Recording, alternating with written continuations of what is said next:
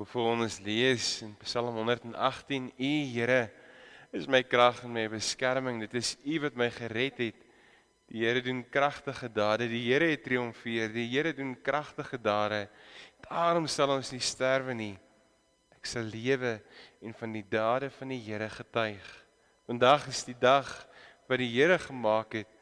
Laat ons daaroor juig en bly wees. Prys hom wat in die naam van die Here kom.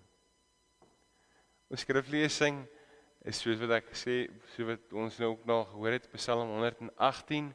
Ons gaan daai uit lees vers 1 en 2 en dan vanaf vers 19. Voordat ons saam lees, kom ons bid saam. Here, dankie Here dat ons hier kan wees. Here dat ons in hierdie oggend Here na U toe kan kom en kan vra Here dat U in hierdie oomblik ons gedagtes op U sal rig. U dit rondom ons sal stil maak Here sodat ons U woord kan hoor. Ons kom bid en ons kom vra Here hier waar ons saam is breek die woord vir ons oop. Spreek Here. U kinders luister. Amen. So wat ek gesê het Psalm 118 ons lees so 'n paar verse saam. Loof die Here want hy is goed.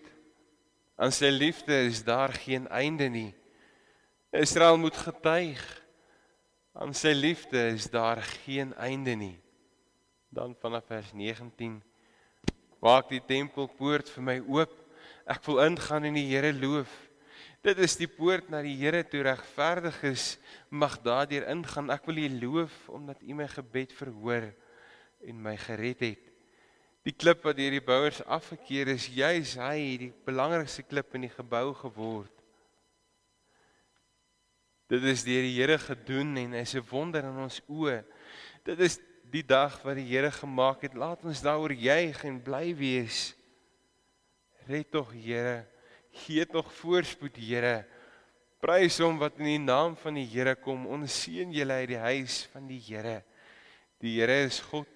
Hy skenk ons die lewe. Begin die fees wyf met takke. Gaan tot by die horings van die altaar. U is my God. U wil ek loof, my God. U grootheid wil ek besing. Loof die Here want hy is goed. Aan sy liefde is daar geen einde nie.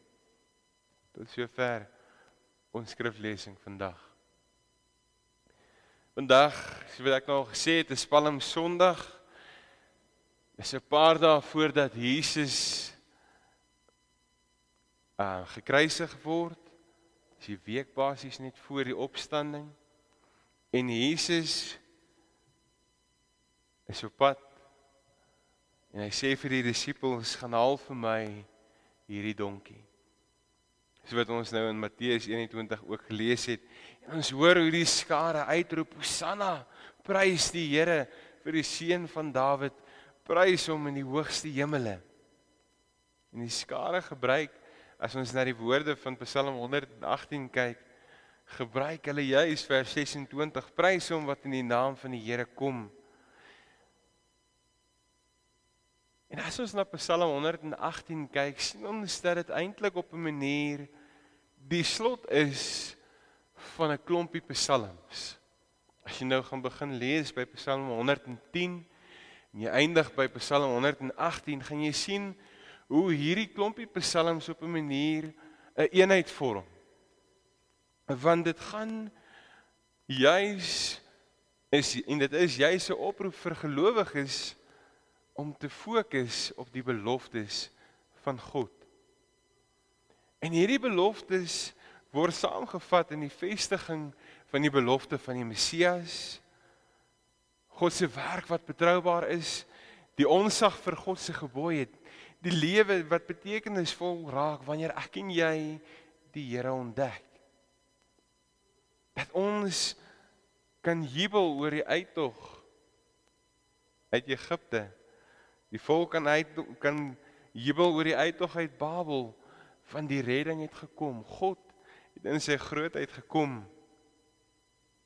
dat hulle mag daarin gesetel is om eer te bring aan God want God is teenwoordig en dat hulle mag weet en vertrou God is by hulle en dan sluit hierdie Psalm gedeelte af met Psalm 118 met die kernvers aan sy liefde is daar geen einde nie al hierdie beloftes word afgerond met hierdie een aan sy liefde is daar geen einde nie.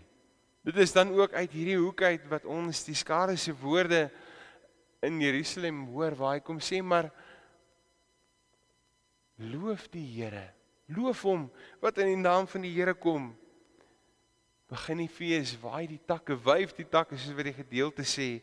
Die fees in hier uit gekom Christus bring sy grootheid en met Christus kom daar 'n klomp goed saam. As ons kyk na Psalm 118 sien ons dat hierdie Psalm vir my en vir jou kom wys dat God in sy grootheid besig is in hierdie wêreld. Ons sien Christus in die Nuwe Testament wat kom sê maar ook hy weet dat die psalms oor hom getuig het en dat die psalms oor hom geskrywe is, dat die psalms in vervulling gekom het. En as ons na Psalm 118 kyk, sien ons dat die eerste paar paar verse daaroor gaan dat ek en jy bewus is dat God teenwoordig is. Dat ek en jy op 'n manier sal verstaan en sal weet dat as ek as ons volhard as ons aanhou kan ons kan ons gebede verhoor word. Dis die besef dat God goed is. Dis die besef dat die Here vir my en vir jou 'n lewe in gedagte het wat van sy liefde en van sy genade getuig. En daarom die eerste paar verse is dan juis 'n danklied vir dit wat God juis in die psalmdigter se lewe kom doen het.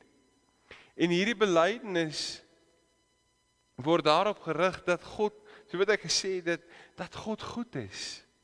Dat hy kom sê maar besef ons dat daar aan die liefde van die Here geen einde is nie. En as ons dink aan hierdie danklied, sou dit heel, heel waarskynlik gesing geword het by die tempel deur een of ander leier, deur een of ander vors van Israel om iets te kom beklemtoon van God wat in beheer is. Die laaste paar verse van vers 19 af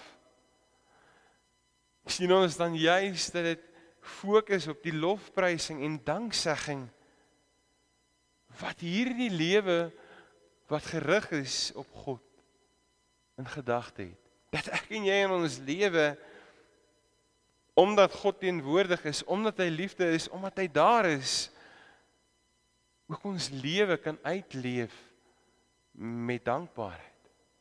Ook ons lewe kan leef met die belydenis dat God met ons is. En daarom sien ons dan juist dat die psalme 'n interessante rigting draai waar hy kom sê maar eintlik half onverwags. Waar hy kom sê maar die klip wat hierdie bouers afgekeer is jy's hy die belangrikste klip geword. En hierdie psalmdigter kom sê eintlik op hulle eie was hulle niks. Maar deur die genade van die Here het God hulle iets kom maak. Het God hulle kom bekragtig, het God vir hulle lewe kom verander sodat hulle hoef nie bang sodat nie hulle nie hoef te vrees nie, sodat nie hulle nie hoef bang te wees nie. En ons weet ook in die Nuwe Testament hoe Petrus en Paulus ook hierdie selfde hoekklip gebruik om iets te beklemtoon van Christus. Om te kom sê jy's hy het die belangrikste steen geword, die een wat eintlik afgekeer moes wees. Jy's hy. Het die genade van God vir ons as mens op hierdie wêreld, die liefde van God vir ons as mens op hierdie wêreld kom tentoonstel. En dis daarom as ons dink aan Psalm 118 is dit een van die skaniere, as ek dit so kan noem. Om te besef dat God in sy grootheid vir my en vir jou na hierdie wêreld gekom het. Dat Christus bereid was om ter wille van my en van jou in Jerusalem in te stap waar hy hierdie skare sien en weet maar hulle gaan my los. Daar gaan nie van hulle oorwees nie. Daar gaan niks van hulle oorbly nie. Hulle gaan almal verjaag word ter wille van my en jou. Die Psalm herinner ons aan die vreugde daarvan om die Here te dien, om gebedsverhoring te beleef, om te beleef dat God goed is. Om te beleef soos wat hierdie Psalm in elke vers amper herhaal dat aan sy liefde is daar geen einde nie. En dat hierdie God saam met jou en met my op pad is in ons lewe. met die wete dat daar in sy liefde geen einde is nie, beklemtoon dit jy vir my en vir jou die hoop dat ek en jy nie alleen is nie. In ons krisisse. In ons tekortkomings in dit wat ons leef hoor ons hierdie getuienis van God self van die psalmdigter wat sê maar hoor jy aan sy liefde is daar geen einde nie.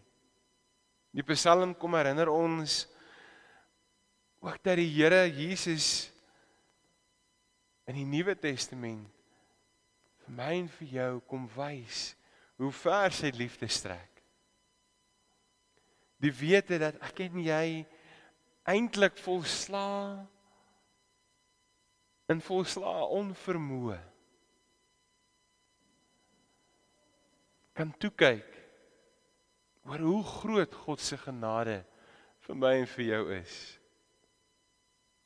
Dat ek en jy kan beleef hoe God in ons lewe kom intree. Hoe God vir my en vir jou eintlik in ons lewe kom wys maar hy's daar. En daarom hoor ons hierdie woorde van Psalm 118 begin wyf begin die fees wyf met die takke getuig van God van dit wat hy vir jou gedoen het getuig dat God goed is broer en suster ons as ons hierdie gedeelte vat en ons kyk na ons lewe het ons 'n klomp goed wat ons mekaar kan sê Maar God is goed. Ons het 'n klomp goed wat ons vir mekaar kan sê. Ons beleef die goedheid van die Here in dit wat ons elke dag mee te doen het. Ja, ons het ons krisisse, ja, ons het ons tekortkomings, ja, ons het ons moeilike tye. Maar een ding bly en dit is aan sy liefde is daar geen einde nie. Mag ek en jy as ons dink aan Palm Sondag ook hoor aan die liefde van die Here is daar geen einde nie en mag ek en jy dit leef in hierdie tyd wat voorlê as ons dink aan die naweek wat voorlê Paasdonderdag die kruisiging Vrydag die opstanding die wete dat God in sy volheid die dood oorwin het Mag ons dit met vreugde vul, mag ons hom dien want hy is die opgestane Here wat met my en met jou op pad is. Mag ons daarin vashou elke oomblik. Kom ons sluit die oë, dan bid ons saam. Here, dankie Here dat ons in hierdie oomblik kan kom stil word U naam kan groot maak, Here, want U is God by ons. U is die Here wat in ons teenwoordig is, Here deur die Gees. Dankie Here dat ons dit kan leef. Dat ons die lig in hierdie wêreld kan uitdra en met die wete Here dat U ons nooit maar nooit los nie.